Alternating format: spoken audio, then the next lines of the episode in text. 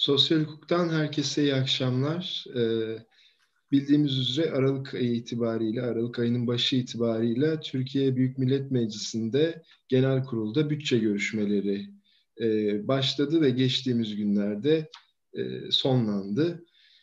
Bütçe görüşmelerinde bütçeden e, daha çok aslında başka konular e, gündem oldu. Fakat biz bu hafta programımızda e, bütçeyi bilimsel e, bir ağızdan bir bilim insanı Profesör Doktor Fuat Ercan'dan dinleyeceğiz. E, hocam merhaba, hoş geldiniz programımıza. Merhaba sevgili Ozan, hoş bulduk. Merhaba. E, hocam e, bütçe konumuz ama e, bu konuya girmeden önce bugün itibariyle, bugün çok e, güncel olduğu için e, asgari ücret e, belirlendi ve 2825 TL olarak açıklandı. E, bütçeye girmeden bu konuyla ilgili bir şeyler söylemek ister misiniz? Evet, bence e, istersen bir e, ekran paylaşımına gireyim ama hem onu yaparken hem de şunu e, söylemek isterim. E, aslında e, e, asgari ücret e, konusu da dahil, biraz sonra da belki detaya gireriz. Bütçe dediğimiz şey, e, bütçe hakkı, kamu bütçesi, devlet bütçesi biraz sonra o ayrımlara gireceğiz. Sadece asgari ücretlere değil, Türkiye'de neredeyse yaşayan 83 milyonu ilgilendiren önemli bir durum. E, istersen asgari ücreti e, senin de arada devreye girerek bu bütçeye ilişkin açıklamalarımızın detayında gösterelim. Çünkü asgari ücret dediğimizde insanlara ödenen bir miktar var ama o asgari ücretin hem belirlenmesi hem de bütçedeki kalemler yani işte biraz sonra konuşacağız bütçedeki gelir ve harcamalara baktığımızda önüm, önümüzdeki yıl asgari ücretlilerin ve ücretlilerin ve toplumun tüm kesiminin e, bu süreçte nasıl etkileneceğini gösteren bir belge aslında. Şey, o yüzden mesela eğer asgari ücreti konuşuyorsak hemen şeyi de konuşmamız lazım. Acaba e, kamu bütçesi, bu iki ayrımı biraz sonra gireceğim, devlet bütçesi, bu ikisi çok farklılaşacak bir kavram. Kamu bütçesi ya da devlet bütçesi belirlendiğinde gelirler ve harcamalar kalemi o kadar önemli ki eğer dolaylı vergiler üzerinden, tüketim üzerinden vergiler üzerine yoğunlaşmışsanız asgari ücretin sadece parasal karşılığı değil, e, bir sonraki yıl ödenecek vergilerle falan düşündüğünüzde asgari ücretin başka bir şekilde tanımlanması gerekiyor. O yüzden çok iyi bir e, dönem, iyi bir soru. Asgari ücret ya da herhangi bir e, ücret, gelir kaleminin e, ne olacağı sorusu birazcık da neye bağlı? Acaba 2021 yılında Türkiye Cumhuriyeti Devleti'nin kamu bütçesi ki ben bunu biraz sonra açacağım ısrarla söylüyorum. Devlet bütçesinin artık devlet bütçesi diyebiliriz. Devlet bütçesinin nereden nasıl gelirler elde edeceği sorusu ve nerelere e, harcamaları yapacağı sorusu aynı zamanda asgari ücretinde nelerle karşılaşacağını göstergesi. Dikkat edileceği gibi aslında bütçe gerçekten de çok kompleks bir konu. Çünkü bir e, gittikçe önemi, gücü artan biraz sonra onu da söyleyeceğiz. E, kamu harcamaları ve e, kamu gelirleri açısından yaşamın her alanını etkiliyor. Ama herhalde o yüzden böyle bir şeyle giriş yaptım. E, bugün asgari ücret üzerinden tam da sorduğun soru üzerinden sevgili Ozan. E, bugün e, sosyal medyada e, belki bugünkü konuşmanın da anlamlı bir şey olacak. E, bir e, şey dolaşıma girdi o da şuydu. Sahip olduğunuz servet bizden çaldıklarınızdır. Ha o zaman demek ki aslında e, şeye baktığımızda e, servet, sermaye, gelir kavramlarını ulus devlet ve dolayısıyla kamu ve dolayısıyla bütçe üzerinden düşünmemiz gerekiyor. Ne yazık ki Türkiye'de ben de dahil ki bir kamu yönetimi mezunuyum ben. Yani 4 e, yıl sonra 2-3 yıl e, mali sosyoloji dersi verdim. Ama bu bütçe konusu e, çok teknik bir konu olduğu için bütçeyi detaylı e, bir dille ele almak gerekiyor. Yani e, sevgili Ozan daha önce yine sizden arkadaş aradığı için oturdum birazcık da çalıştım. Ya bunu yeniden düşünmeli, buna yeniden bakmalı. Çünkü Türkiye'de artan ölçüde belki de birçok değişkin içinde taşıyan bir şeyden bahsediyoruz. Belki biraz yoracak, bazen de yorulmamız gerekiyor. Ben de e, yoruldum. O yüzden şeye baktığımızda evet Bütçe dediğimiz şey kompleks bir olgu. Bir ülkenin, devletin bir yıl içinde yapacağı harcamalarla bu harcamaları bulacağı kaynağı arasında bir teknik dil olarak açıklanıyor ama bütün yaşam alanlarını etkiliyor. Ee, o yüzden de şöyle bir şey söylenebilir. E, sonuçta söyleyeceğim yani konuşmam içinde ifade edeceğim e, farklı teorik teknik ifadeleri görünür kılmak için bazen çizgiler önemlidir. Yani işte e, e, bugün iki tane şey karşı iki baktığımda bir tanesi şey yapıyor işte iş yerinde e, sermaye, servet, zengin diyebiliriz buna, mülkü var diyebiliriz. Ya rant geliri vardır ya e, kar ya da faiz geliri vardır. Bunlar kapitalizmin farklı öznedeki biçimleridir. E, bir e, restoranda yiyor ve e, gerçekten de bütçeyi anlatacak bir şey. Daha sonra hesap geldiğinde o hesabı ödeyecek diyor. Diğer tarafta da bir vatandaşımız var. İşte bir yük altında. Yük nedir? Ee, acaba ne bağlantısı var? İşte faiz yükü, vergi yükü, elektrik faturası, bilmem ne bankadan gelen şey. Ha demek ki aslında birazcık e, bu iki, üç tane şeyimiz, e, birisi e, insanların çıkarttığı bir afiş. Üçü bize problemimiz birazcık anlatıyor. Girişte derdimizi söylemek için. Ha o zaman demek ki hesabı kim ödüyor? Bu çok önemli. E, serveti olan, sermayesi olan mı yoksa işte e, artık her tükettiğinde devlete vergi veren mi? Bunu birazcık daha açmamız gerekiyor. Açmamız gerekirken birazcık belki şey olacak ama bunu hazırlarken birazcık detaylı harcadım. Mesela şey dediğimizde bütçe dediğimiz aslında kamu bütçesinden bahsediyoruz. Fakat kamu dediğimiz şey bizi yanıltabilir. Bütçeyle devlet e, bütçesi, kamu bütçesi ile devlet bütçesi arasındaki ayrım tam da bizim konuşacağımız bütçe hakkını ifade ediyor. Çünkü kamu, public, yani bütçenin o ulus devletin egemen olduğu topraklar üzerindeki insanların ortak iyisi için ifade edilen bir şey. Yani kamu bütçesi demek kamunun belirli bir e, dönem içinde, bir yıl içinde elde ettiği gelirlerle harcamalarını ortak o toplumda yaşayanlar için e, harcaması ortak yarar adına harcamasıdır. Oysa biliyoruz ki belki biraz sonra teoriden bahseder miyiz ama 70'li yıllarda O'Connor diye bir e, sosyal bilimci çıkıyor diyor ki bütçeyle kamu bütçesiyle devlet bütçesini konuşmamız lazım. Eğer ulus devlet belirli bir dönemde elde ettiği gelirlerle harcamalar arasındaki ilişkiyi kamu adına yapıp ama kamuyu yani public'ten geliyor. Public birçok anlam ifade ediyor ama en önemlisi yani toplumun ortak iyisi üzerine mi kullanıyor yoksa zamanla artık bu bütçe kamu bütçesi ifadesi birçok şeyi gizleyen aslında bir devlet bütçesi mi? Ha o zaman zaten 800 yıllık bir tarihi var neyin? E, bütçe hakkı mücadelesi. Magna Carta'dan geliyor. İşte e, Kral John'a karşı e, aristokratlar aristokratlar toprak sahipleri diyor ki istediğin zaman vergi veremezsin. İlk defa kralın vergi toplama hakkı Magna Carta'da büyük anlaşmada e, kısıtlanıyor. O yüzden şunu söylemek istiyorum. Kamu bütçesiyle devlet bütçesi dediğimizde arada kamu temsil eden, halkı temsil eden bütçe hakkı karşımıza çıkıyor. Ha, e, çok açık bir net ifade.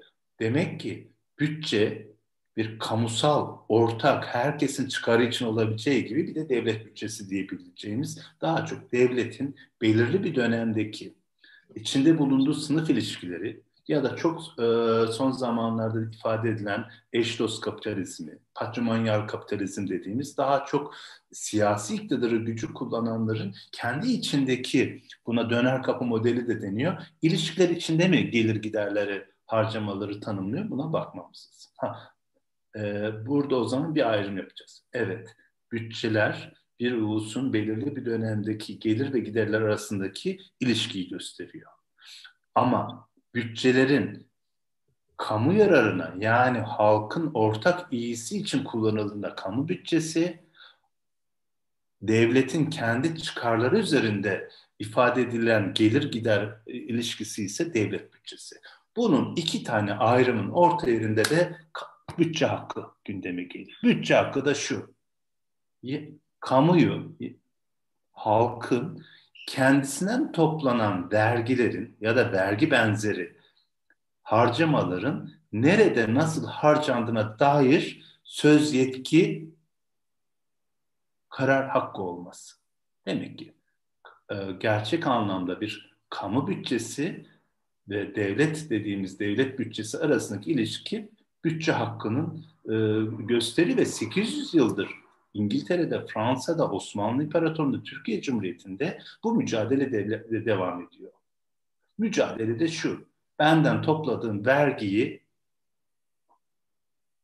hangi benlerden topluyorsun? Halkın oluşturduğu hangi kesimden topluyorsun? İki, nereye harcıyorsun?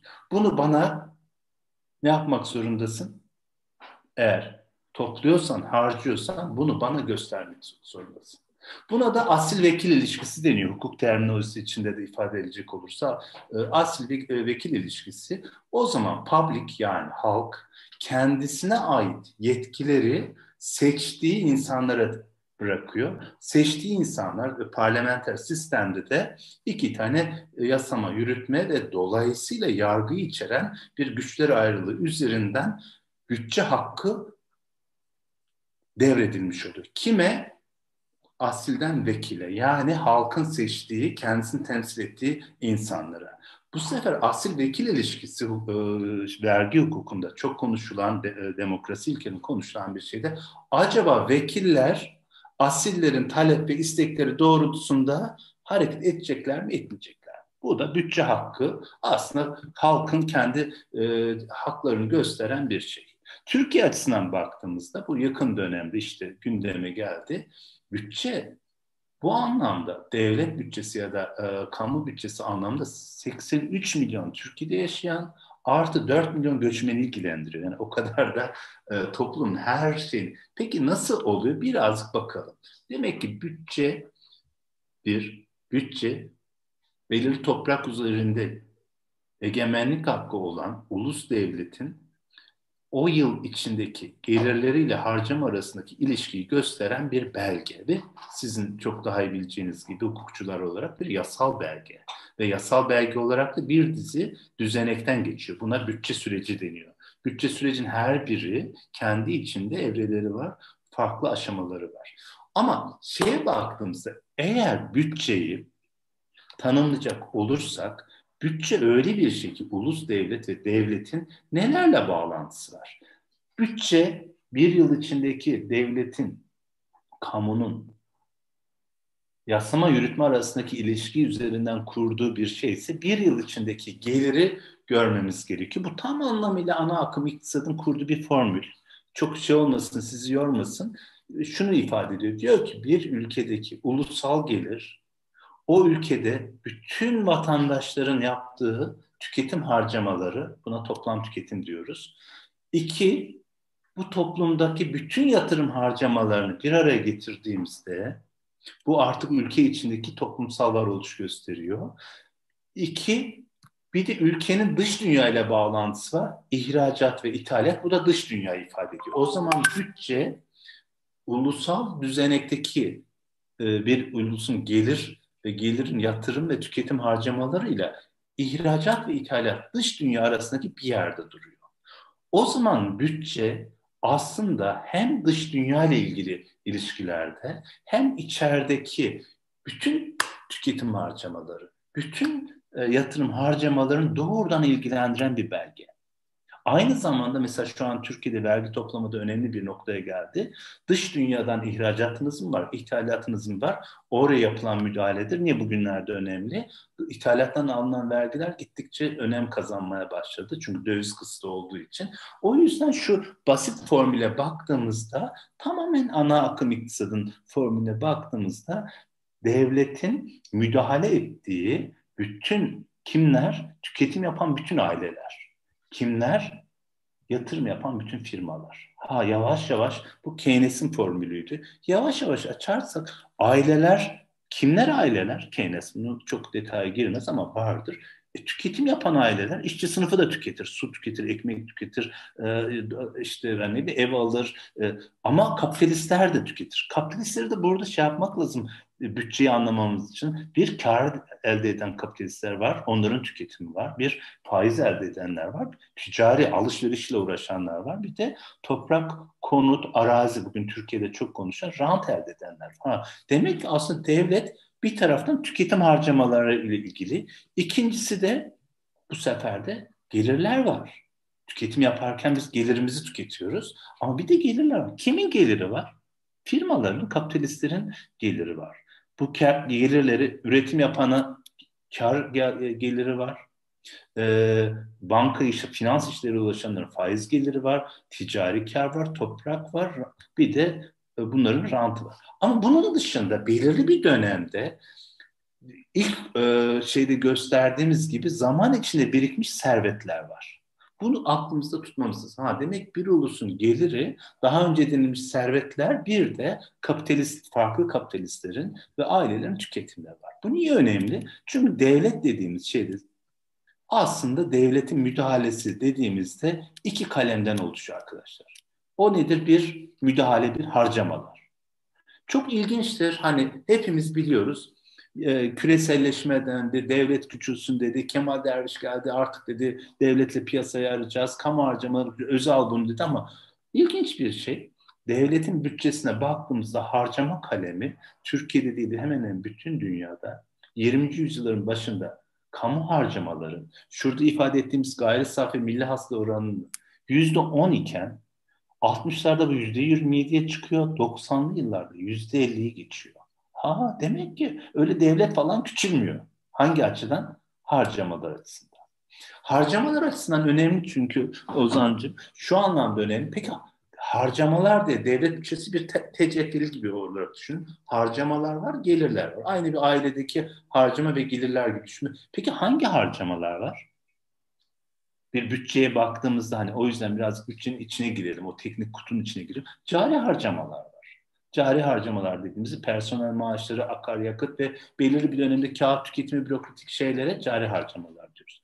Ha, şeye baktığımızda işte bu 1980'den itibaren devlet personel e, şeylerin maaşları, kamu çalışanlarının, kamu e, istihdam rejimini hızla değiştiriyor. Burada önemli değişimler var. Çalışan sayısı azalıyor. İşte e, şey olduğunda işte yaşam boyu istihdam garantisi yerine işte kısmi zamanlı gibi bu cari harcamalar Türkiye'ye baktığımızda aslında ilginç bir şekilde düşme, belirli 80'lerden itibaren bir düşme eğilimi içine giriyor ama her zaman siyasi iktidar da e, nereye harcıyorsunuz o e, topladığınız geliri dediğinde cari harcamalar önem kazanıyor. Türkiye açısından belki biraz sonra gireceğiz, e, gireceğiz zamanımız olursa ilginç olan cari harcamalarda beklenen anlamda düşüş olmadığı zaman bir de yatırım harcamalardan oluşuyor harcamalar. Ona da biz yatırım harcamalarında aslında devletin kamu e, şeyinin belirli bir anlamda yeni bir yapı oluşturması. Yani uz, uzun dönemli bir kamu hizmeti ve getirisi olan bir şey. Şu çok açık. Biraz sonra yine onu e, belki zamanınız olursa hepsini rakamlarla göstereceğiz. Yatırım harcamaları Türkiye'de hızla düşüyor. Çünkü daha sonra konuşacağımız kamu özel işbirliği adı altında yepyeni bir başka bir düzenekten bahsedeceğiz. Bir üçüncüsü transfer harcaması dediğimiz şey var harcamalar içinde. Burada işte herhangi bir mal ve hizmet alımı olmaksızın yapılan harcamalar. Bu son dönem işte sadaka toplumu gibi kavramlar da bunun içinde. Acaba kime ne kadar e, e, kaynak aktaracak? Üçüncüsü sermaye harcamaları. Bu yine normal ömrü bir yıla daha fazla olan mal ve hizmet alımlarını ifade ediyor. Ama önemli olan Türkiye'de demin sorduğun asgari ücretlileri ilgilendirecek şey sosyal harcamalar. Yani e, biraz sonra gireceğiz. Gelirleri elde ettik harcama yapacağız. Ama harcamaya public, kamuyu, halkı ilgilendiriyorsa eğitim, sağlık, sosyal yardım, evinizdeki elektrik, su çok ilginç bir dönemden geçiyoruz. Sosyal harcamalar gittikçe düşüyor ama vergiler artıyor. Hatta bu şey sorgusunu gündeme getiriyor. E biz vergi niye ödüyoruz? Yani bizi eğer e, sağlık paralıysa, ulaşım paralıysa, enerji paralıysa hani Özal'ın bir şey vardı. E, kullanan öder ilkesi varsa e o zaman biz niye vergi ödüyoruz? Şimdi mesela öyle çalışma Türkiye'de çok herhalde çok yok. Yani eğer de, devlet bütçesi diyelim bunu o zaman harcamalar, sosyal harcamalar olmuyorsa vatandaşlar niye vergi istiyor? Bu inanılmaz politik bir e, konu. Yani siz her şeyi e, piyasa süreci içine çekeceksiniz. Köprüden geçince bilmem ne olacak. Efendim tüketim yaptığınızda bile şey yapacaksınız ama sosyal harcamaların hepsi neredeyse paralı hale gelecek. Yani piyasa koşullarını, enerji piyasası yasasını çıkaracaksınız, su, su kullanma sözleşmesini çıkaracaksınız. Sonra vatandaşa da dönüp bakın size kamu hizmeti sunuyorum, vergi verin diyeceksiniz. Bu dönemin en büyük çelişkisi. Bu da aynı zamanda, bu çok önemli bir şey, zaman içinde devletin kitleler karşısında meşruiyetini yitirdiği en önemli noktalardan birisi. Yani eğer bana hizmet gelmiyorsa benden niye vergi alıyorsun? Fakat biraz sonra döneceğiz.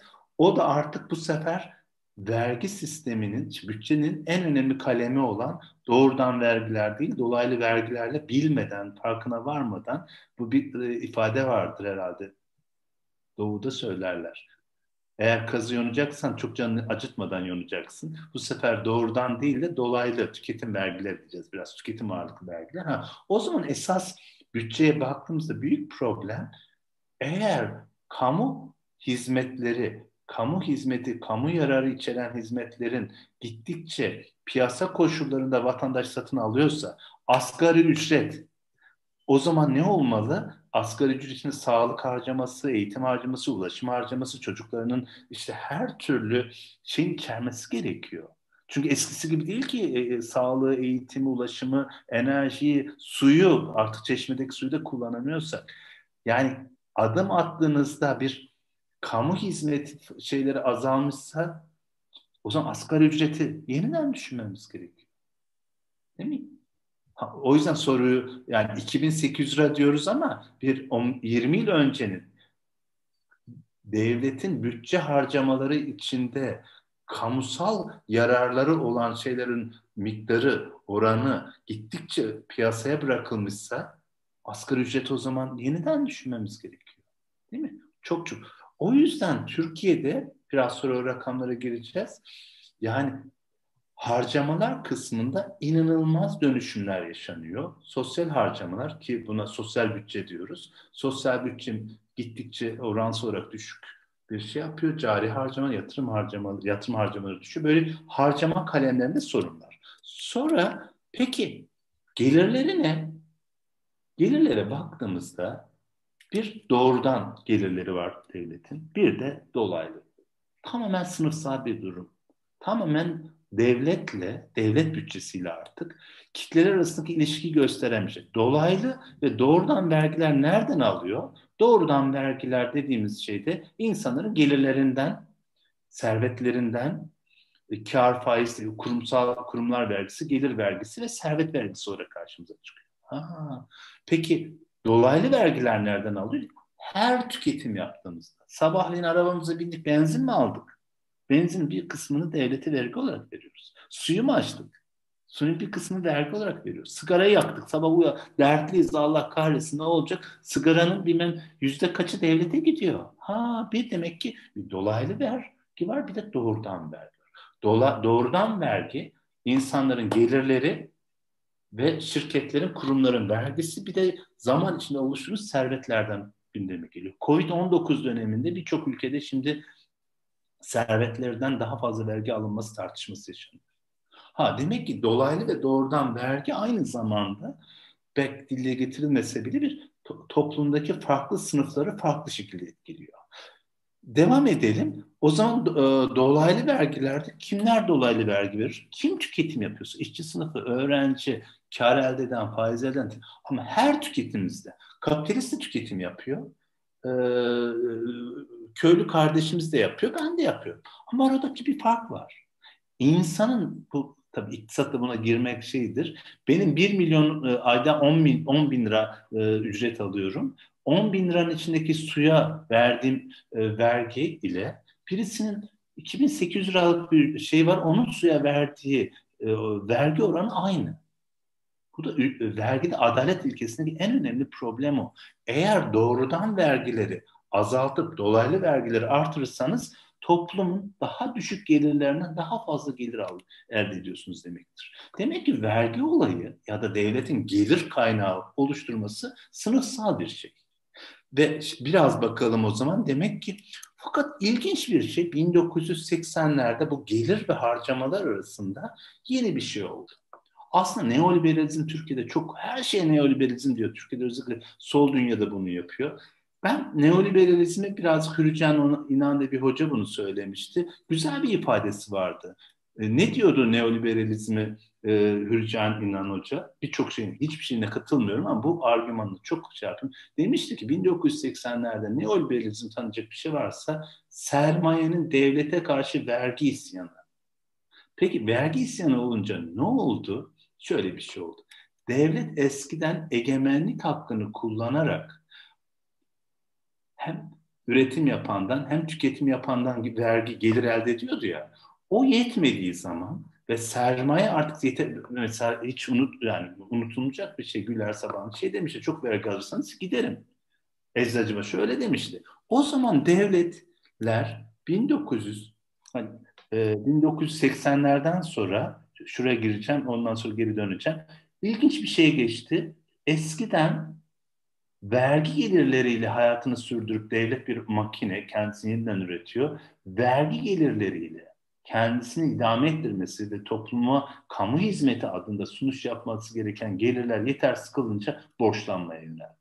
Bu yeni dönemin en önemli. Devlet artık sınıfsal olarak ücretli gelirlerin daha fazla ödediği vergilerden yeterli kadar sermayeden vergi almadığı için daha fazla borçlanmaya gidiyor. Bu yeni bir durum. Bu devletin daha sonra bütçede anlatacağız bilmiyorum zamanımız yeter mi ama e, borçlanma demek ki devletler 1980'lerden sonra özellikle daha önce devletin egemenlik hakkını kullanarak insanlardan vergi toplamak yerine özellikle servet ve sermaye hiç unutmayız değil mi? Mesela Erbakan saadet zincirini kıracağız diyordu e, kendi döneminde. Saadet zincirini kıracağız dediği o dönemde inanılmaz faiz geliri vardı. O işte bankerzediler dönemi bilmem çok büyük faizler kıracağız deniyordu diyordu ve iktidara geldi kıramadı.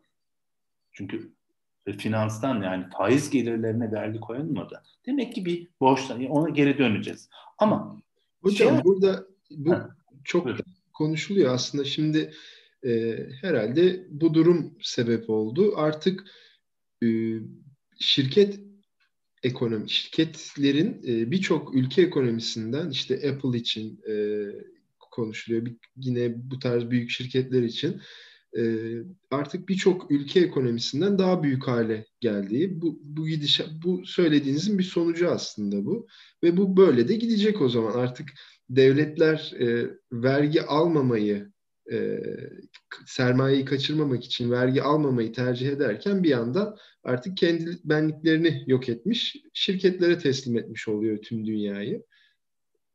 Evet, şimdi bu şeye baktığımız bu literatürde bir işte vergi devletinin krizi deniyor. İşte bu e, yine bir e, erken dönem vergi çalışan e, uzmanın vardı. Onun ifadesi işte vergi mücadelesi devletle sermaye arasında en büyük mücadeledir diyecek.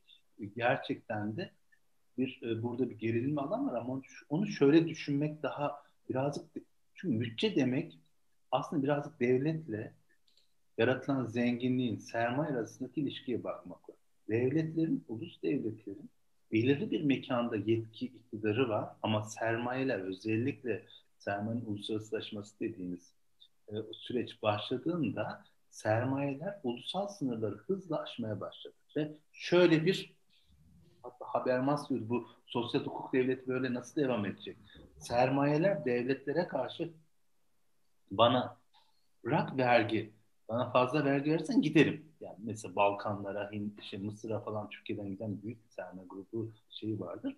İkincisi bırak vergi vermeyi. Bana yatırım iklimi dedikleri, investment climate dedikleri bir şey gündeminde. Bana arazi vereceksin, enerji ucuza vereceksin. Bırak onu yani e, harcamalar kısmında devletin Mesela Katar'a satılan bir şey var. Yani bir kalemde 90 milyon dolar silindi yani Katar'dan bu şeyi alan vatandaş. Yani şeye baktığında söylediğin şeyde şöyle bir nokta var. Detaylandırmayayım.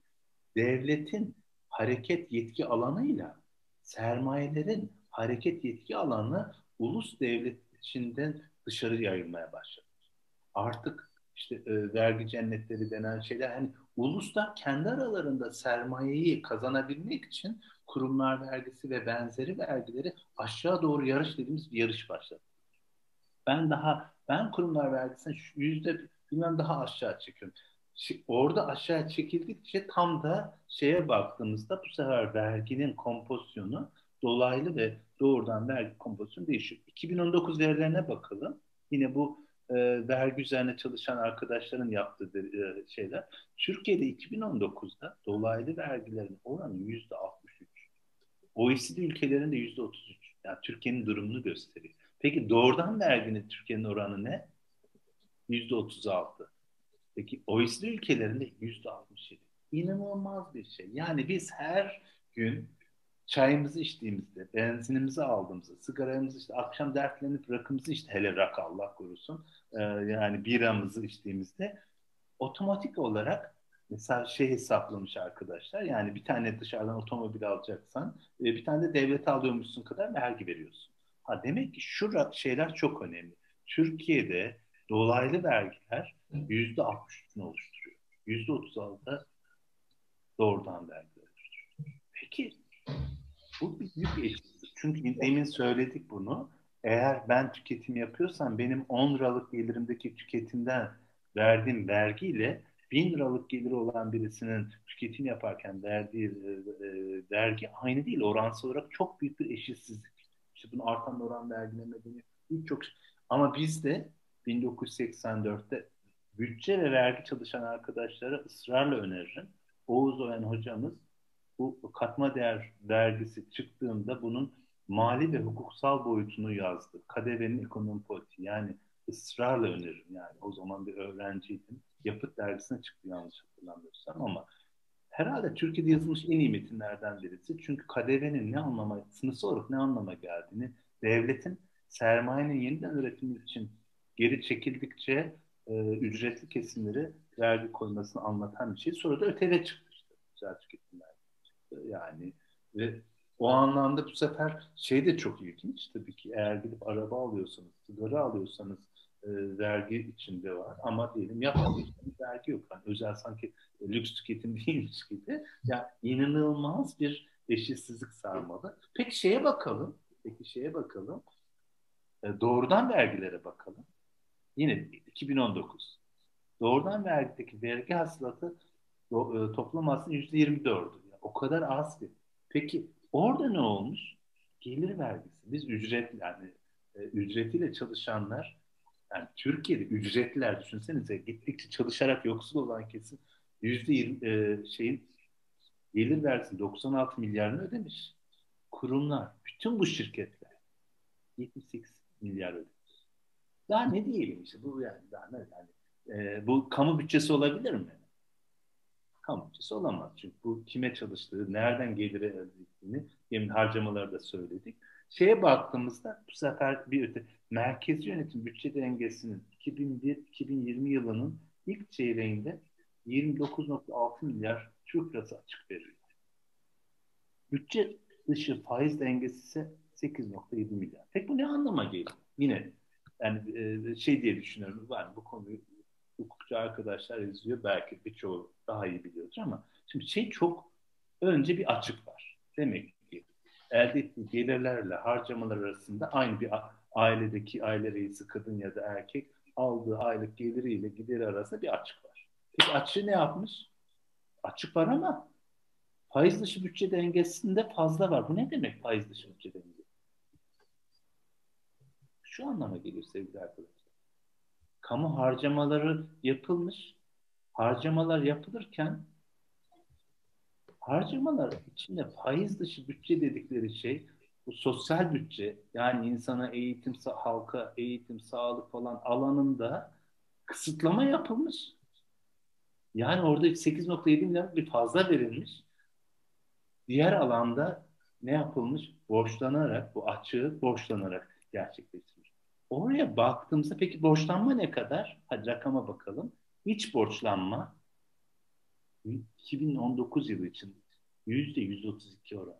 Yani devlet gidip servet ve şirketlerin kurumlar vergisi alma yerine daha önce kendisinin devletin sermaye ile vatandaş olarak kurduğu vergi ilişkisi yerine ne geçmiş?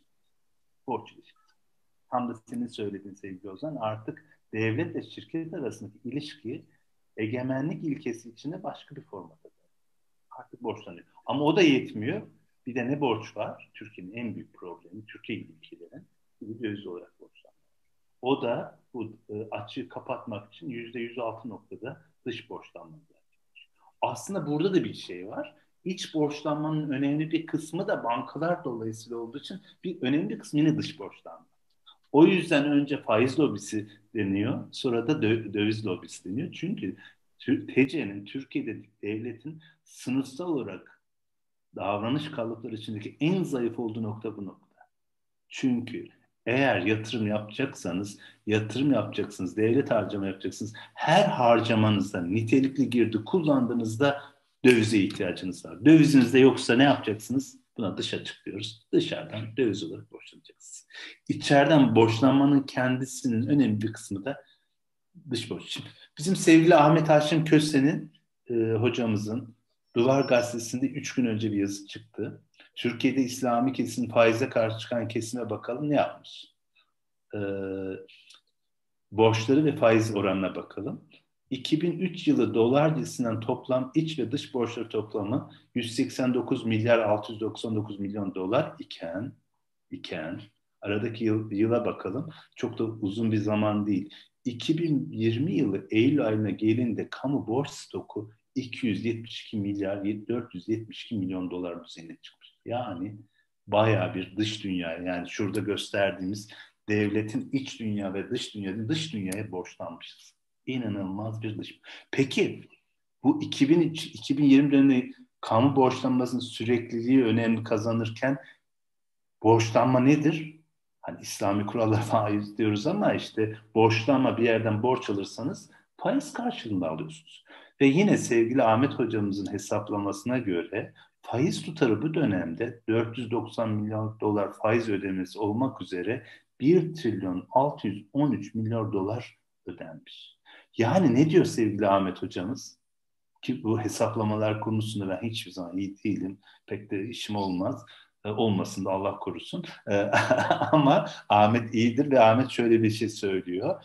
Türkiye sadece kamu borçlanması yoluyla 2 milli gelirinden daha fazlasını yerli ve yabancı sermaye ne olarak aktarmış? Faiz olarak aktarmış. O yüzden demin söylediğimiz şu şey vardı ya ne demiştik ona?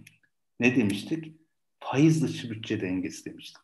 Yani faiz ödemelerine mü müthiş kaynak aktarılmış ama faiz dışı dediğimiz eğitim, sağlık, ulaşım e, yani vatandaşın asgari ücret alacak ya da ücreti vatandaşın yararlanacağı hakları tırpanlanmış demek. Bu çok çok önemli.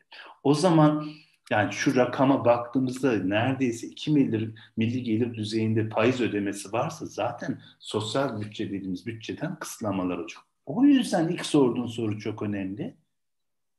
Asgari ücretli o zaman kamu harcamalarında sosyal harcamalar kısıtlandığında ne olacak?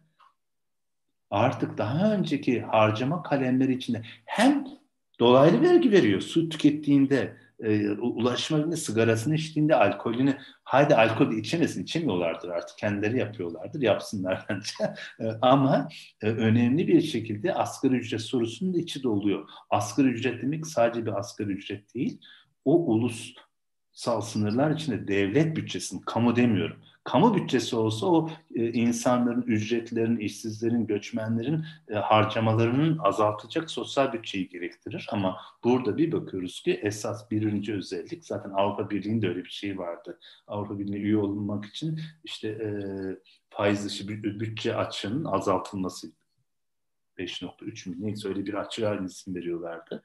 Yani uluslararası düzeyde de bu vardı. Bu yüzden şey baktığımızda asgari ücretlinin durumu, ücretlinin durumu, işsizin durumu her yaptığı en temel ihtiyaca gidermek üzere harcamasından devlete bir ödeme yapıyor. Ama devlet o ödemeleri alıp faiz ödemesi olarak başka alanlara aktarıyor diyebiliriz. Peki Şimdi bir başka olay Türkiye'de belki çok daha önemli. Bütçe bir ulusun bir yıl içinde devletin gelir ve giderler arasındaki ilişkiyi gösteriyordu ve bu ilişkide bütçe hakkından dolayı yasama, yürütme, yargı üzerinden ne yapılması gerekiyordu? Denetlenmesi gerekiyordu. Ama Türkiye'de bütçenin dışında bir de bir şey oldu. Türkiye Varlık Fonu oluştu. Türkiye Varlık Fonu denetlemeden bütçenin dışında ayrı bir hani paralel bilmem ne deniyordu. Şimdi paralel bir bütçe var. Denetleme ve kaynakları işte görüyorsunuz e, şeyde kaynakları, miktarları ve inanılmaz bir şekilde varlık fonunun e, borçlanması var. Varlık fonunun kısa ve uzun dönemli borçlanmaları inanılmaz artmış durumda. Ama o yasama yürütme şeyinde bu asil vekil ilişkisi içinde meclisin içine girmiyor vatandaşın şey yaptığı, seçtiği milletvekillerine sorgusu, suali dışında kalan özel Cumhurbaşkanlığı yetkisi alanında bir yerde duruyor. Ha o zaman belki de hani bütçe hakkı Türkiye'de özellikle son dönemde her geçen gün tırpanlanıyor. Şimdi bütçe hakkının önemli bir kalemi daha var. Şimdi rakamı hatırlayamıyorum ama bütçe süreci içinde, bütçe süreci dediğimiz kavram içinde mecliste soru, soru, e, soru önergesi verilir. Ve 15 gün içinde normal koşullarda cevap verilmesi gerekiyor. Rakamı tam hatırlamıyorum ama 13.260 tane soru önergesi verilmiş. 13.260 tane soru önergesi her birinin 15 gün içinde Anayasa Mahkemesi kararı gereği cevap verilmesi gerekirken bir yıldır cevap verilmemiş. Bir. iki, bütçe meclise getirildiğinde bütçeye, bütçeye ilişkin hemen hemen yani asillerin vekilleri e, merkezi siyasi iktidar dışındaki halkı temsil eden insanların sorduğu, sorguladığı hiçbir yerinden değiştirilmeden aynen geçmiş durumda. Bu artık bir devlet bütçesi. Ve tabii bu bütçenin açığa çıktığı bir dönemde de bütçeyi denetleyecek sadece meclis değildir. Uluslararası camiada bütçelerin, bütçe hakkının diğer bir şeyi sivil toplum örgütleri de ne, nereden ne gelir elde ettin, nereye harcayacaksın sorusunu sorma hakkı olan bir de e, sor, e, şey non-governmental organization, sivil toplum örgütleri derken bunu siz hukukçular çok iyi biliyorsunuz. Torba, torba bir yasa içine sokulan artık sivil toplum örgütlerine de yani non-governmental organization diyoruz ama yani hükümet dışı e, organizasyonlara hükümet ne atayabilecek? Kayım atabilecek. O zaman buyurun gelin bütçe hakkında buradan nasıl düşünürseniz düşünelim. yani durum e, o zaman başta söylediğimiz e, kamu bütçesiyle devlet bütçesi üzerindeki ayrım Türkiye'de iyice artık bu bütçe devlet bütçesi siyasi iktidarın kendisini yeniden üretebilmesine yönelik gelirlerle harcamalar arasında yaptığı müdahaleler tamamen sınıfsal bir içerik kazanmıştır artık yani e, eskiden bunu söylemekten çekinirdik. Sosyal bilimciler, akademisyenler Türkiye'de konuşmaktan hep zor, hep baskı altındayız ama artık meclise sabahtan akşama kadar harcamaların kamu özel işbirliğini dersiniz. Yap işlet devlet modelinde beş tane e, inanılmaz Dünya Bankası'nın da adı verilen beş tane şirketin egemen olduğu e, uluslararası literatürde mark, e, e, eş dost kapitalizm deniyor buna, patrimonyalizm deniyor. Yani aslında bir dönem Türkiye'de hep yanlış kullanıyor. Rant dayalı bir sistem deniyor da çok yanlış bir ifade. Bu Rent-seeking Society yani siyasi iktidarla kendisini denetlediği, kontrol ettiği bir sermaye grubu buna beşli çete deniyor. Bunun söylenmesi çok çok iyi bütçe görüşmelerinde herhalde yapılan en güzel ifade oydu. Eğer siyasi iktidar dönüşümü olursa yani seçimle gelip bu dönüşümü gerçekleştirirsek bu beşli çetenin ya da beşlinin ihalelerini yeniden kamulaştıracağız. Bence harcamalarla gelirler arasındaki en büyük Türkiye'deki açmazı gösteren şey o. Çünkü kamu özel işbirliği adı altında yapılan mega projeler daha çok bütçeden, işte denetlemeden uzaklaştırılarak bütçede görülmeyecek kalemleri de içeriyor. O yüzden olay çok büyük ve yeniden şeye dönecek olursak Türkiye'de bugün e, bütçe hakkı artık sınıfsal bir şey ve bütçe hakkı birazcık bütçe mücadelesidir. Benden ve aldığın vergiyi nereye harcıyorsun sorusunu işaret etmek için e, detaylı bu e, hani size yordum mu bilmiyorum ama şu gördüğümüz e, ilişkiler ağını çok e, detaylı yakalaması gerekiyor. Bu bir ulusun toplam bir yıldaki gelirinin kalemleri sınıfsal bir şeydir. Tüketim yapan, tüketim kendisi de sınıfsaldır. Yatırımda sınıfsaldır. Türkiye'de mesela e, yatırım alanında artık 5-6 tane e, işte Dünya Bankası'nın işaret ettiği firma dışında e, çok fazla e, kamu yatırımlarında e, söz hakkı olmayan, ihaleye giremeyen kesimler var. O yüzden hani e, belki dönemi, zamanı uygundu. Böyle bir dönemde asgari ücretin e, ne kadar olduğu değil, bir sonraki yılda asgari ücretliler ve ücretlilerin hangi harcamalarından ne kadar vergi alınacağını düşünerek asgari ücretin e, az mı çok mu olduğunu söylememiz gerekiyor. Eğer şey olursa mesela şöyle bir şey e, gösterebilecek miyim? E, mesela şeye baktığımızda işte vergi dışı gelirlerle yine e, tamamen Merkez Bankası'nın Maliye Bakanlığı şeyleri. Burada yine görüyoruz ki işte faiz giderleri, faiz harici vergi gelirleri dediğimizde vergi gelirleri yine e, toplumda esas toplanacak kaynağın temel referanslarından birisi. Ve e, merkez yönetimin faiz dışı harcamalarına baktığımızda yine gerçekten de muazzam bir düşüş gerçekleşiyor. Ee, hani baktığımızda e, artık bu kamu hizmeti, kamu yararı e, kavramlarının Türkiye'de bütçeye bakarak çok daha detaylı konuşulabileceği bir dönemden geçiyoruz diye böyle yine e, hiç susmadan konuşan birisi olarak mesela şurada eğer gösterebilirsen mesela yeniden bu şu tabloya bakalım. 2021 e, gelirlerini içeren tablo e, neyi gösteriyor? Asgari ücretli kardeşimizi düşünelim Ayşe Hanım'ı, Mahmut Bey'i, Rıza amcayı düşünelim ya da okula giden öğrenci arkadaşımız işte e, şey yaptığı bir paket sigara aldı. Mesela özel tüketim vergisiyle ithalden alınan katma değer vergisi 2021'in en büyük gelirleri olarak görülüyor. İşte petrol ve doğalgaz ürünlerinden, motorlu taşıt ürünlerinden, alkol ilişkilerden, tütün mamullerinden, kolalı gazozlardan, dayanıklı tüketimlerden işte bankası muamele vergisi, şans oyunlarından, özel iletişim vergisi yani cep telefonumuzu her ay gelen faturanın önemli bir kısmı devlete vergi gidiyordu. Daha da fazla kısmı gidecek. Konaklama vergisi bu yeni bir şey biliyorsunuz. Dijital hizmet vergisi yani nereden bakarsanız bakın sabah uyandığınızda yine bu vergi üzerine çalışan bir grubun ifadesi. Çok veri de onlardan aldım sağ olsun vergi yükü kimlerdi diye. Ama nereden bakarsanız bakın sabahleyin kalkıp uyandığımızda her birimiz bir kaz olarak düşündüğümüzde hiç farkına varmadan her yaptığımız ihtiyacımızı giderme faaliyeti aynı zamanda devlete gelir kaynağına dönüşüyor.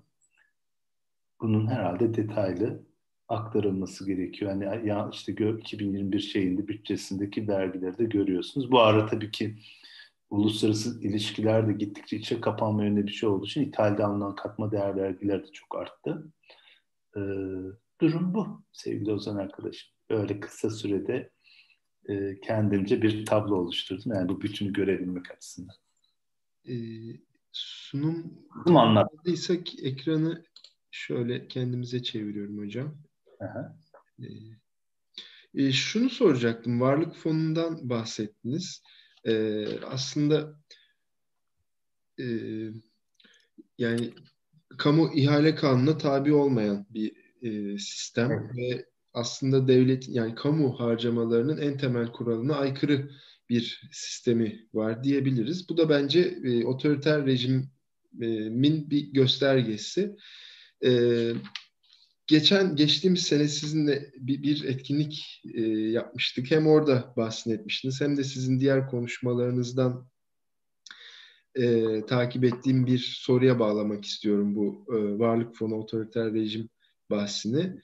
E, genel kanunun aksine siz e, otoriter rejimlerin kapitalist sisteme sahip ülkeler tarafından, kapitalist sistem tarafından aslında çok e, sevilmeyeceğini benim e, söylüyorsunuz. Bunu varlık fonu üstünden mesela size tekrar sormak isterim. Çok zor bir soru. Çok. Şimdi Şimdi şöyle bir şey aslında e, sevgili Ozan zor bir soru. Niye çok zor bir soru? Aslında varlık fonu, e, mega projeler, kamu özel işbirliği yani şu döneme baktığımızda daha önce e, zamanınız var bilmiyorum biraz uzatarak söyleyeyim. Bir e, Antalya'da e, Akdeniz Üniversitesi'nde mali sosyoloji dersi verirken bir hocalarımızla bir ortak toplantı olmuştu. O zaman hani hastaya kadar e, şehir hastaneleri çalışıyorum, işte eğitim, enerji falan. Şunu söylemiştim. Bugün bizim ders kitapları, der, okuttuğumuz kamu maliyesi ki mali sosyoloji dersi veriyordum. Kamu sosyolojisi, işte kamu mali, kamu yönetimi, kamu hukuku tamamen o kitapları katlayıp bir yerde e, düşünerek onların önemli ama yeniden düşünmemiz gerekiyor. Ne oldu da bu çok önemli bir şeyi ne oldu da Türkiye Varlık Fonu diye bir şeye yöneldi? Ne oldu da Türkiye'de kamu özel işbirliği bugün çok farklı bir form aldı? Ne oldu da Türkiye'de kamu özel işbirliği adı altında büyük mega projeler az sayıda 5-6 firmaya verildi? Bunların hepsi birlikte şunu gösteriyor. Bu benim argümanım. O yüzden bütçe konusu yani siz söylediğinizde önce ya bütçe ben girmeyeyim falan ama bütçe bugün Türkiye'deki devletin iç mimari yapısının dönüştüğünü gösteren bir şey. Bütçe aynı zamanda sermayenin yapısında dönüşen bir şey. Fakat sevgili o zaman orada şöyle bir şey var gibi geliyor. 1980'lerde başlayan dünya ölçeğindeki sermayenin etkinlik alanı hep şöyle düşünülüyordu küresel bir dünyada devletlerin gücü azalacak. Fakat ilginç bir şey oldu. Özellikle 1999 krizi ve sonrası dünyada ulus hele hele Covid'de iyice arttı bu. Ulus devletler mesela Brezilya, mesela Türkiye, mesela Hindistan, mesela Amerika hatta Amerika Trump'ın bütün seçim şeyi buydu. Birden dünya ölçeğinde sermayenin ortak aklı, sermayenin dünyada serbestçe dolaşmasını gerektirirken ulus devletler bir durun dedi en fazla durum diyen ülkelerden birisi Türkiye. Merkez Bankası niye bağımsız olsun? Aslında bir şekilde de Türkiye'de ulusalcı kalkınmacılarla birleşen bir şeyi var şu anki AKP iktidarının. Evet, Merkez Bankası niye bağımsız olsun? Evet, IMF niye benim boğazımı e, hani, biz kendimiz gırtlaklatmayız gibi bir şey vardı. Ha o zaman demek ki bir soru gündemi geliyor. Türkiye'nin, Türkiye gibi ülkelerin ulus devletin hareket yeteneğiyle uluslararası sermayenin hareket yeteneği ulusal düzeydeki sermaye hareket yetenekler arasında gerilimli bir dönemden geçiyoruz. Ben öyle düşünüyorum. O yüzden o yüzden eğer Merkez Bankası'nın bağımsızlığı deniyorsa Merkez Banka'nın bağımsızlığı şuydu. Ben diyelim ki bir İtalyan girişimciyim, patronum. Türkiye'de bir iş yaptığımda kapitalist sistemde bütün iş ticaretin arkasına yatan şey şu. Benim şu içtiğim bardak 100 bin tane alacağım Türkiye'den sizden. Ey işte Paşa Bahçe 100 bin bardak alacağım. Ama evet 3 yıl içinde ödeme yapacağız diyoruz karşılıklı. Ben İtalyan olarak ne düşünüyorum? Bu alışverişte 100 bin bardağın fiyatı bugünden yarına bir yıl için değişmemesi gerekiyor. İkinci yıl değişmemesi gerekiyor. Çünkü alışverişin temel şeyi o.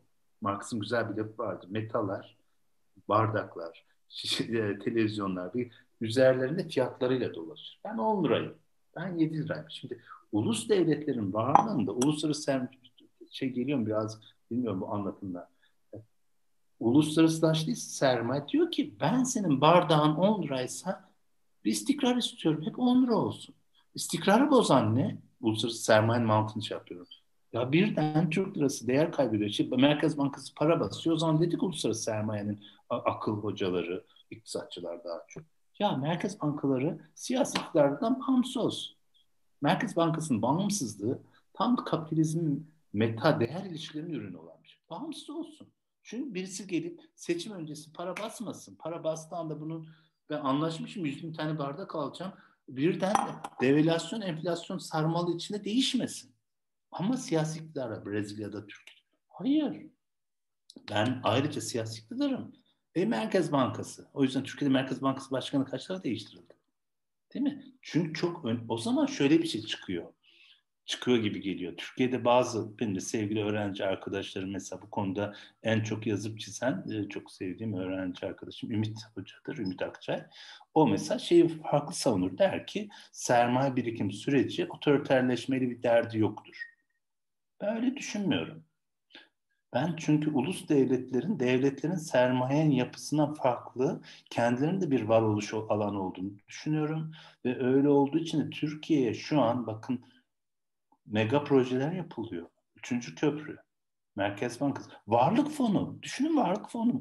Londra'da Varlık Fonu dışarıdan döviz bulmak için uğraştı. Bulamıyor artık dışarıdan sermaye kabul etmiyor. Üçüncü köprü için hatta en son Kanal İstanbul'a Cumhurbaşkanı dedi ki Sayın Cumhurbaşkanı şey e, eğer dışarıdan para bulamazsak içerideki bankalardan alırız. Yok dışarıdakiler artık çünkü özellikle varlık fonuyla birlikte daha önce başlayan liberalizm yani liberallerin bugün Türkiye'de kıyameti koparması gerekiyor biraz dürüst olsalar. Çünkü mülkiyet güvencesi yok. Yani siz hukukçular daha iyi biliyorsunuz. Değil mi? Sadece şey anlamda demiyorum işte bir dönem e, belirli bir tarikatın insanlarına karşı yapılan şey değil. İşte afet yasası deniyor. Patladık. Acele kamulaştırma deniyor. Patladık şey yok. Bir mülk yani liberalizmin, kapitalizmin en önemli ideolojik şeyi liberalizm ama Türkiye'de siyasi iktidar. İhalelerde yani ihale üzerine epey bir dönem çalışmıştık. İşte e, Sayın Cumhurbaşkanı ilk seçim olduğunda o zaman Siirt'teyken şey demiş bana ihaleyi bir avuç insana bırakmam demişti. Ha ihale yapısı. Çünkü ihale Avrupa Birliği'nin isteği üzerine gerçekleşti. Hem de 15 günde. O zamanın Başbakanı Bülent Ecevit dedi bu böyle bir şey olmaz. Biz meclisteyiz. İhale yasası böyle çıkartılamaz. Ama şimdi Türkiye'ye baktığımızda sorduğun soru ben öyle düşünüyorum. Tabii biraz detaylandırmak lazım. Siyasi iktidarlar otoriterleşmesi artan ölçüde otoriter olanın yetkisi tek kişi bu Türkiye'deki olduğu mülkiyet haklarını müdahale edecek kadar bir güç kazandığı zaman uluslararası sermaye kolay kolay gelmez. Gelmiyor da. Ha gelsin mi gelmesin mi sakın orada o zaman şey yani aman Savcıların kötü bir şeyi vardı. Bir taraftan derler ki uluslararası sermaye kötüdür şey. Sonra da ya bunların yüzünden döviz bulamıyoruz değil mi? Öyle bir, ben antikapitalist birisiyim. Bu sistemin tümüne karşı bir kafa yapım var yani. Ama şunu biliyoruz. Otoriterleşme arttıkça özellikle sektör bazında e, siyasi iktidarın tarzına bağlı olarak sermaye kaçışları, yeni yatırım alanları ama ne oluyordur? Büyük ihtimalle oluyordur sene bazı sektörler geliyordur. İşte inşaat sektörüne girdi kullanan uluslararası bir üretici firma giriyordur. Hani hoş yüz bir şey ama Türkiye'ye baktığımızda şu an Türkiye'nin, Türkiye gibi ülkelerin bütçe yapısı bize neyi veriyor başına itibaren? Türkiye gibi yapıların emperyalizm kavramı üzerine düşüneceksek bütçenin en büyük açması, Türkiye'nin en büyük açması aynı zamanda her zaman ödemeler dengesinde döviz ihtiyacıdır. Döviz devalüasyon olduğunda Menderes gitmiştir. Ee, Demirel 70 sente muhtaç olduğumuzda 80 gelmiş. Yani Türkiye'nin dünya kapitalist sistemle zayıf halkası e, döviz ihtiyacından kaynaklanıyor. O yüzden önce faiz lobisiydi, sonra döviz lobisi dendi. Faiz lobisi, döviz lobisi birlikte düşünülmesi gerekiyor. Çünkü dışarıdan siz sermaye girişi istiyorsanız faizleri yükseltmek zorundasınız. Faizleri yükselttiğiniz zaman doları belirli bir yerde tutuyorsunuz. Sınırsal bir tarzdı bu. Ama şimdi ne oldu? Türkiye olan güven yani en önemlisi mesela çok Türkiye'de o çalışılmadı. Ben de çok detaylı bilmiyorum ama varlık fonu Türkiye'de diğer dünyadaki varlık fonlarından çok farklı şekilde kuruldu. Dünyadaki varlık fonları gayet şeyde ödemeler dengesine fazla veren petrol geliri gibi özel geliri olan ülkelerin o geliri kullanma yöntemiydi. Bizde ise siyasi iktidarın açmazı vardı. Kaynak bulmak zorunda ama kaynak daha çok döviz biçiminde yani uluslararası sistemden kaynak bulmak zorunda. Fakat varlık fonu Londra'daki borsalara gidip herhangi bir düzeyde onların talep ettikleri faiz oranında ancak belki onu da yapamadılar. Yani o gerçekleştirilemedi varlık fonu. O yüzden demin gösterdiğim gibi inanılmaz bir faiz borcu var şimdi varlık fonu. Ne denetlenebiliyor ne yaşıyor. Tam bütçe dışında bir bütçe gibi bir şey ve tamamen yürütmenin gücü elinde tek e, insanın elinde bir e, inanılmaz bir varlık fonu denen bir olay var ve eğer e, bütçe hakkı varsa şimdi herhalde şöyle bir şekilde bir de varlık fonu hakkı diye bir şey çıkarmak lazım onu bilmiyorum. evet ya bütçe hakkı bir de ya da şöyle bir şey olmalı ama e, bütçe görüşmelerinde muhalif partilerden söylendi yani varlık fonunun bütün hareketleri ne olması gerekiyor? Denetlenmesi gerekiyor. Dışsal bir denetime tabi olması gerekiyor. Hatta bu şey bile çok ilginç. Bu bütçe hazırlanma döneminde normalde hazırlanan bu 5018 sayılı mali disiplin yasası çok önemli bütçe hakkına ilişkin bir şeyler söylüyordu. Neydi? İşte varlık fonu, işte TÜİK her birimin başkanlık düzeyini merkez gelip bir şey verecekti. Bütçe planlama komisyonuna normal raporlar hiçbir yapılmamış. Yani o düzenek hatta bizim sevgili bu, bu vergi ve maliye konusunda bayağı uzman esas. O iş, bu işlerin uzmanı Aziz Konukman hocadır şeydir. Öyle kötü bir süreç oldu ki ben bu konu, bu yıl bütçe konusunda konuşmayacağım. Hep ona danışılırdı. Konuşmayacağım çünkü diyor ki hiçbir hiçbir e, bütçe e, yasal süreç gerçekleşmedi ki gibi bir durum. Yani e, uzattım. Söylediğin, sorduğun soruya karşı ben şey en azından Türkiye pratiği içinde Türkiye'deki yürütmenin güçlenmesinin artması beraberinde uluslararası sermayenin özellikle Merkez Bankası'nın bağımsızlığının zedelenmesi, ikincisi mülkiyet üzerindeki güven sorunu, üçüncüsü zaten eğer bir ülkeye yatırım yapılacak onun geri getirisi önemlidir. Türkiye'de artık belirli sektörler dışında o geri getiri oranı da uluslararası sermaye için çok büyük anlam ifade etmiyor. İnşaat sektörü inşaat sektörü deniyor. İnşaat sektörünün yarattığı zenginlik, hani demin bahsettik ya Y olarak gösteriyor. Ulusal gelir içinde yarattığı katma değer o kadar düşük ki. Onu da zaten Rönesans'ı, işte Limak'ı e, bir takım e, böyle işte e, eşdost kapitalizmin ürünü olan firmalara gidiyor. O yüzden uluslararası sermaye öyle bir inşaat sektörü üzerinde çok katma değer yaratılmadığı için de oraya gir, çok fazla giriş olmuyor. Yani e, Türkiye'nin şu an en hatta böyle bir bir ay sonra herhalde bir e, Ankara'da bir üniversite bir sunuşum var. Dünyadaki Türkiye hani hep Türkiye'deki dünya konuşurdu ya iktisatçılar. Peki dünyadaki Türkiye nasıl dediğimizde artık Türkiye'nin dünyadan borçlanma, dışarıya yatırım yapmaları çok artıyor ama Türk dünyanın içeriye girmesi çok az. Türkiye'deki sermayeler hızla dışarıda etkinlik faaliyet sürdürmeye çalışıyor. Ama dışarıdaki sermayeler Türkiye eskisi gibi hani benim görebildiğim kadar hatta bir dönem verilerle doğrudan yabancı sermaye girişlerini çalışmıştı. Hani şey web ortamında falan olabilir. O, o devam etmiyor. Ee, hocam aslında süremizi doldurduk. O kadar çok çok konuşmuşum hiç sana soru sordurmadım. Ama ben e, bir son bir soru sormak istiyorum. Yani biraz konu dışı aslında biraz e, yani bütçeyle çok alakası olmayabilir ama. Ben bir dakika ben bütçeye çalıştım. Başka konular o o, o e, Yok eminim yani ya sizin fikrinizi merak ediyorum bu konuda. Ya şimdi ya, siyasi iktidar tarafından farklı şekillerde ifade edilse de e, ekonomik bir krizin içinde olduğumuz çok açık. İşte enflasyon verileri, işsizlik verileri, yoksulluk verileri vesaire.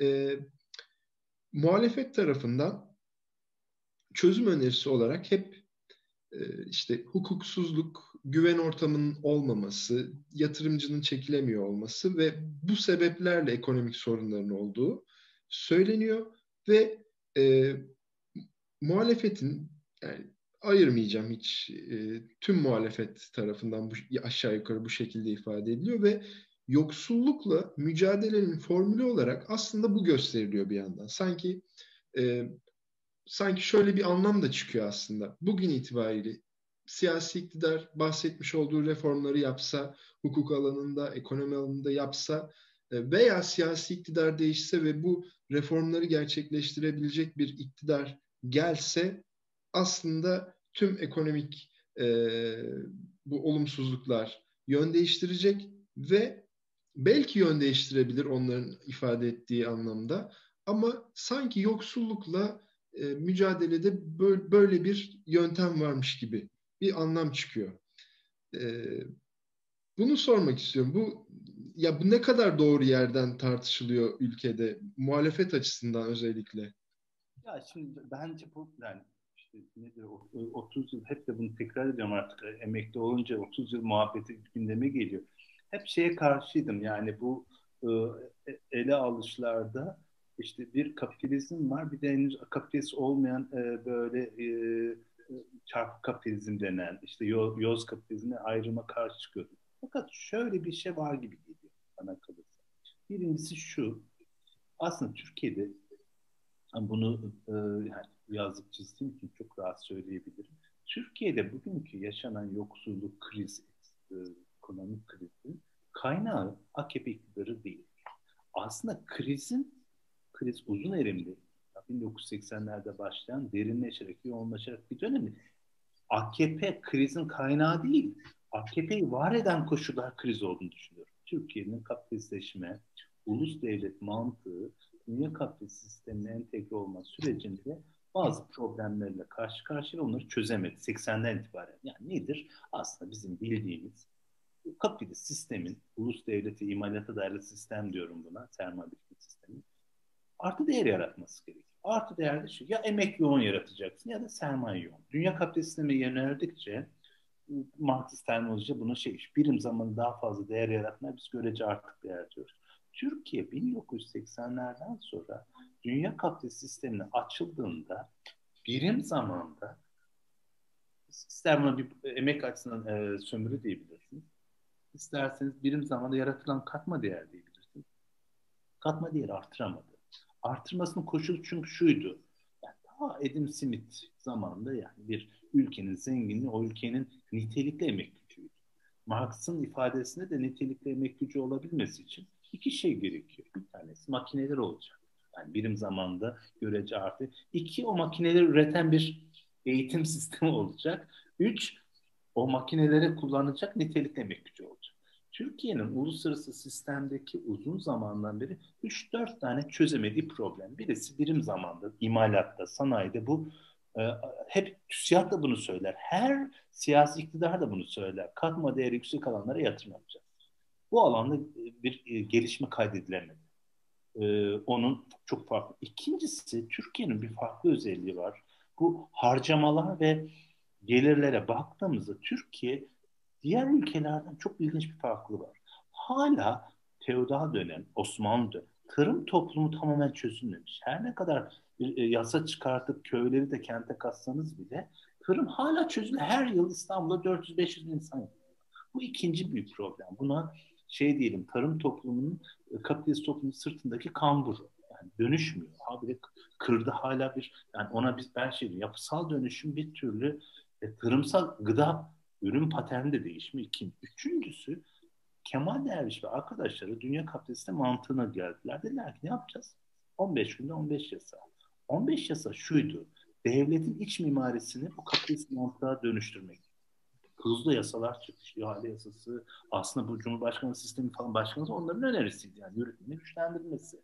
Fakat orada da AKP seçimle iktidara geldikten sonra ulus devletin iç mimarisi uluslararası sistemin talep ettiği kurumlara dönüşemedi. Bu diğer bir şeydi, bir diğer açmaz. Bu açmazlar birleşince 2003 ile 2010 arasında Türkiye'ye Kemal Derviş'in de desteğiyle o dönem büyük sermaye bir ittifak oluştu. AKP'nin seçmeni, büyük sermaye ve uluslararası kurumlar, şirketler Türkiye'ye bayağı bir e, sermaye akıttılar. 2013'ten sonra bu düzenek devam etmemeye başladı. Düzenek devam etmemeye başladığı ölçüde de bu sefer aslında AKP'nin kucağına düşen bir kriz var. Yani AKP de bunu derinleştirdi. Çünkü tamamen mesela Kemal Derviş'in bir lafı vardı. Biz sahaya ineceğiz, siz go- düzenleyeceğiz, siz gol atacaksınız. İstekleri şuydu, e, devlet sahayı hazırlayacak, imalata dayalı sermaye birikim sağlanacak. Fakat sahayı hazırlarken bir de seçimler var. Seçimi, yani Türkiye'de de öyle, İran'da da öyle, Venezuela'da seçimi kazananlar iktidara geldiğinde sahaya onlar indi. Bekledikleri bir, o, ama onların inmesine neden bu toplumun bu toplumun şey koşullar yani AKP'yi iktidara getiren AKP'nin gücünden daha çok Türkiye'nin o dönemde yaşadığı çelişkilerdi. Yani biz atı arabanın arkasına koşmamamız lazım. Bu ortamı yaratan AKP değil. AKP bu ortamın ürünü. Mi? Anlatabiliyor muyum? Ha, o zaman AKP'nin kurduğu bu eş dost kapitalizm diyeceğimiz bir dönem çok karşı çıktım bir kalkınmacı olarak lafta ama şimdi evet ya tam anlamıyla bir e, rant e, kollayıcı bir toplum oluştu. Hatta az sayıda bir şey oldu. Kendi ideolojik meşruk alanının hızla dışına çıktı. Ama onun karşısında bu sefer iki tane şey var söylediğim muhalefet kesiminin özellikle e, daha çok CHP'nin dile getirdiği mesela çok şeydir. Ya biz bu bozuk tamam eş dost kapı ama biz Endüstri 4.0'ı getirince bu işi çözemeyeceğiz. Ha işte orada işler karışıyor. Biz daha büyük, Anadolu'yu daha büyük yatırım alanına çevireceğiz. Zaten yıkımı yaratan o. Ha, o zaman şöyle bir şey çıkıyor tabii ki. E, e, muhalefetin talep ettiği şey idealize edilen kapitalizmin değer yaratma, katılım yönündeki bir şey. Ama o yani şey Amerika'da Amerika'da yoksulluk azalıyor mu? Eşitsizlik azalıyor mu? Katılım gerçekleşiyor mu? O yüzden şu anki e, muhalefetin özellikle artık Türkiye'de muhalefet olmak parlamentoda bile hani meclisin bile artık çok çalışmadığı bir ortamda muhalefetin dile getirdiği en önemli şey ya biz çalışacaksak e, iyi bir kapitalizm çalışalım, rasyonel bir kapitalizm olalım deniyor. Özellikle yani her sunuşunu hayranlıkla dinlediğim Selim Böke, Kemal Derviş ekibinden, kurumsalcı bir yerden geliyor. Eleştirilerin, siyaset yapma tarzı, dili, heyecanını çok seviyorum ama yani bir e, Marksist olarak da o yani söylediğim muhalefetin dilinin e, yoksulluğu azaltacak, e, problemleri çözecek bir şey olduğunu düşünmüyorum. Ama Türkiye'de artık şöyle bir noktaya gelmiş, demokrasi, katılım, adalet ilkesinden dolayı hani e, acaba bu dil e, yüzde yüz karşı mı çıkmalı? Bilmiyorum bugünlerde Korkut Hoca geçen şey söyledi çok eleştir yani çok kendimi farklı şeyler düşünüyorum ama yani şu an artık yaşam ortamımızı hızla tahrip eden bir çürüme sürecinden geçiyoruz. Belki o zaman yaşam tarzları üzerinden bir bir araya gelme anlamlı olabilir. Ama o anlamlı olması demek kapitalizmin daha rasyonel işlemesi yoksulluğu azaltacak anlamına gelmiyor yani. Bilmiyorum, çok dolaylı cevap verdim. Ama yani orada mecliste e, bu konuda e, yani CHP'den başlayıp HDP'ye bu konuda çok farklı bir dil olduğunu zannetmiyorum. Çünkü bu ancak hani orada da o zaman belki e, şeyi aşıyoruz ama yani bu ancak politik bir e, güç olduğunuzda bir e, alternatif dile dönüşürsünüz. Yani o, o güç hem hem çok az şu an dağınık ya da az değil bence dağınık hem de mecliste çok kendisini ifade etmiyor yani. 1 Mayıs'a gelen CHP'lileri ben izlediğimde meclisteki CHP ile 1 Mayıs alanına gelen e, CHP'li gençler daha yoğun bir gruptu. O farklılıklar Türkiye o yüzden çok şey böyle e, hani bu bir başkadır dizisi var ya onda bir sahne vardı yani hiç e, diziyi düş ama çok iyi bir sahneydi. Sahne şuydu evin camlarına bir taş atıldı. Camın ortasına bir delik açıldı ve cam çatlaktı. Bir kırılgan bir mozaik Türkiye şimdi değişim sancısı içinde geçen bir e, mozaik yaşıyor. O yüzden düşünce aslında bence düşünce açısından çok zengin bir süreç. Çünkü hepimiz yeniden düşünüyoruz. Yani mesela bu bütçeyi konuşurken bile devletin siyasi iktidarı nasıl öyle hani Marksist terminolojide sadece görece bağımsız falan değil. Bayağı devlet sermaye birikim dışında bayağı bir güç yani benim bana gösterdiği bu.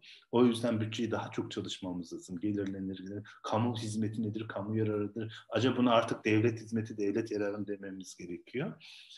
Yani o anlamdaki önerilen, e, çok uzatarak konuşuyorum ama önerilen muhalefetin dile getirdiği düzeni değiştireceğiz dediğinde inanılmaz bir e, ifade e, dönüştürücü ifade ama düzeni değiştireceğiz bir daha fazla yatırım yapacağız. Endüstri 4 Dolayısıyla Endüstri 4.0'a geçince işsizlik muazzam artacak. Endüstri 4.0 demek dünya e, emek, ser, bilgi yoğun teknolojilere bağımlı olmak demek. Yani tabii orası öyle duruyor da onu e, hatta ben bir böyle bir e, yazı yazmıştım. Endüstri 4.0'a kim geçecek? Şimdi CHP onu ısrarla savunuyor. E, çünkü bir kalkınmacı değil e, şu an hemen hemen bütün gruplarda bir kalkınmacı dili var. Endüstri 4.0'da şimdi yeni kalkınmanın motoru olarak görünüyor. Oysa işsizliğin kaynağı, Endüstri 4.0 ekolojik yıkımın kaynağı, e, yani o kalkınma ve sanayileşme, üretim, yatırım noktası mesela CHP'nin bütçe konuşmalarını ama sizin sayenizde ya da sizin yüzünüzden hepsini dinledim. Büyük kavga şu yatırımları biz daha çok yatırım yapacağız. Şimdi ekolojik bir yerden bakınca, yoksullar açısından bak, teknoloji yoğun yatırım yaptığınızda evet artı değer, katma değer yaratacak ama peki bölüşümü nasıl sağlayacak? yine bir e, sosyal demokrat büyük abimiz hocamız bir şey söylemişti. İsmini söyleyeyim. Çok hoş demişti. Demişti bugün geldiğimiz noktada kapitalizm noktasına sosyal demokrasi çok maliyetli bir şey. Sermaye kesimleri sosyal demokrasi maliyetini kabul etmez. Eskiden sermaye eğitimde yoktu, sermaye enerjide yoktu, sermaye suda yoktu. O zaman sosyal demokrasi demek birazcık da kamu harcamalarının sermayenin de maliyetini aşağı çekecek bir şeydi. Ama şimdi eğer eğitimi sağlığı, mesela suyu, işte Dikili Belediye Başkanı suyu bedava verdiği hakkında davalar açıldı. Onları siz sermaye vermişseniz artık sosyal demokrat olarak biz eğitimi bedava vereceğiz, sağlığı bedava vereceğiz, suyu bedava vereceğiz dediğiniz zaman çok radikal bir şey söylemiş. Keşke şu an gerçek bir sosyal demokrat bile olsa. Evet suyu bedava vereceğiz demek ne demek? Suyun özelleşmesi, ticarileşmesi, metalaşması çıkması hayır demek. Eğitime biz karşılıksız vereceğiz demek eğitim sermayesinin bütün o bütün sermaye gruplarına hayır demek. Çok radikal bir şey şu an bunları söylemek. Ama 1960'da 70'te kamu harcamaları içinde eğitim, sağlık, ulaşım, enerji hepsi kamusal bir hizmetti. Şimdi kamusal hizmet değil ki sermayenin yatırım alanı. Yani o anlamda mesela şöyle bir parti kurulsa, yeni bir parti. Ya biz bütün bu kamu hizmeti 60'lardaki Korkut Hoca bunu söylüyordu. Geriye dönerek ileri sıçrama diyordu. Çok hoş bir ifade neydi bilmiyorum tartışacağız onu. Bunları böyle rahat rahat konuşuyorum. O zaman beni çok konuşturuyorsun ya Allah. Ama yani e, gerçekten de şöyle bir şey. 60 bir, şöyle bu akşamın şeyini belki çok şöyle diyebiliriz. Ya biz 60-70'lerde kamu e, bütçesi içinde harcama kalemlerinin yeniden aynısını savunuyoruz demek şu an inanılmaz radikal bir şey. 60-70'likleri söyle. O yüzden bazıları der ki uluslararası e, Marx Arena'da. Ya bugünlerde sosyal demokrat olmak çok zor, çok radikal bir iş gibi. Bilmem anlatabildim mi? Vallahi teşekkür ederim hocam. Çok sağ olun. Ee, çok keyifliydi sizi dinlemek yine. Ee, yılın da son sosyal hukuk programıydı. Ee, tekrar size teşekkür ediyoruz katılımınızdan ötürü. Sizi e, epeyce yorduk bir iki haftadır. Evet, evet. Beni çalıştırdınız. Ee, eski kamu yönetimci duygularım. Yeniden. Ama e, ben yine teşekkür ederim. Ancak bu şeylerle birazcık daha hem e, alanı hem de vatandaşlığımı yeniden hissediyorum. Ama bu benim ben, ben suyu daha çok açmamalıyım. Bu suya harcadığında nereye gidiyor gibi. Neyse. Ben çok teşekkür ederim. Şey oldu, çalıştık ama iyi oldu. Çok, çok sağ olun. Teşekkürler. E, Sosyal hukuk programının bu hafta hatta bu sene e, sonuna geldik. E, şimdiden herkese iyi seneler. Görüşmek üzere. İyi akşamlar.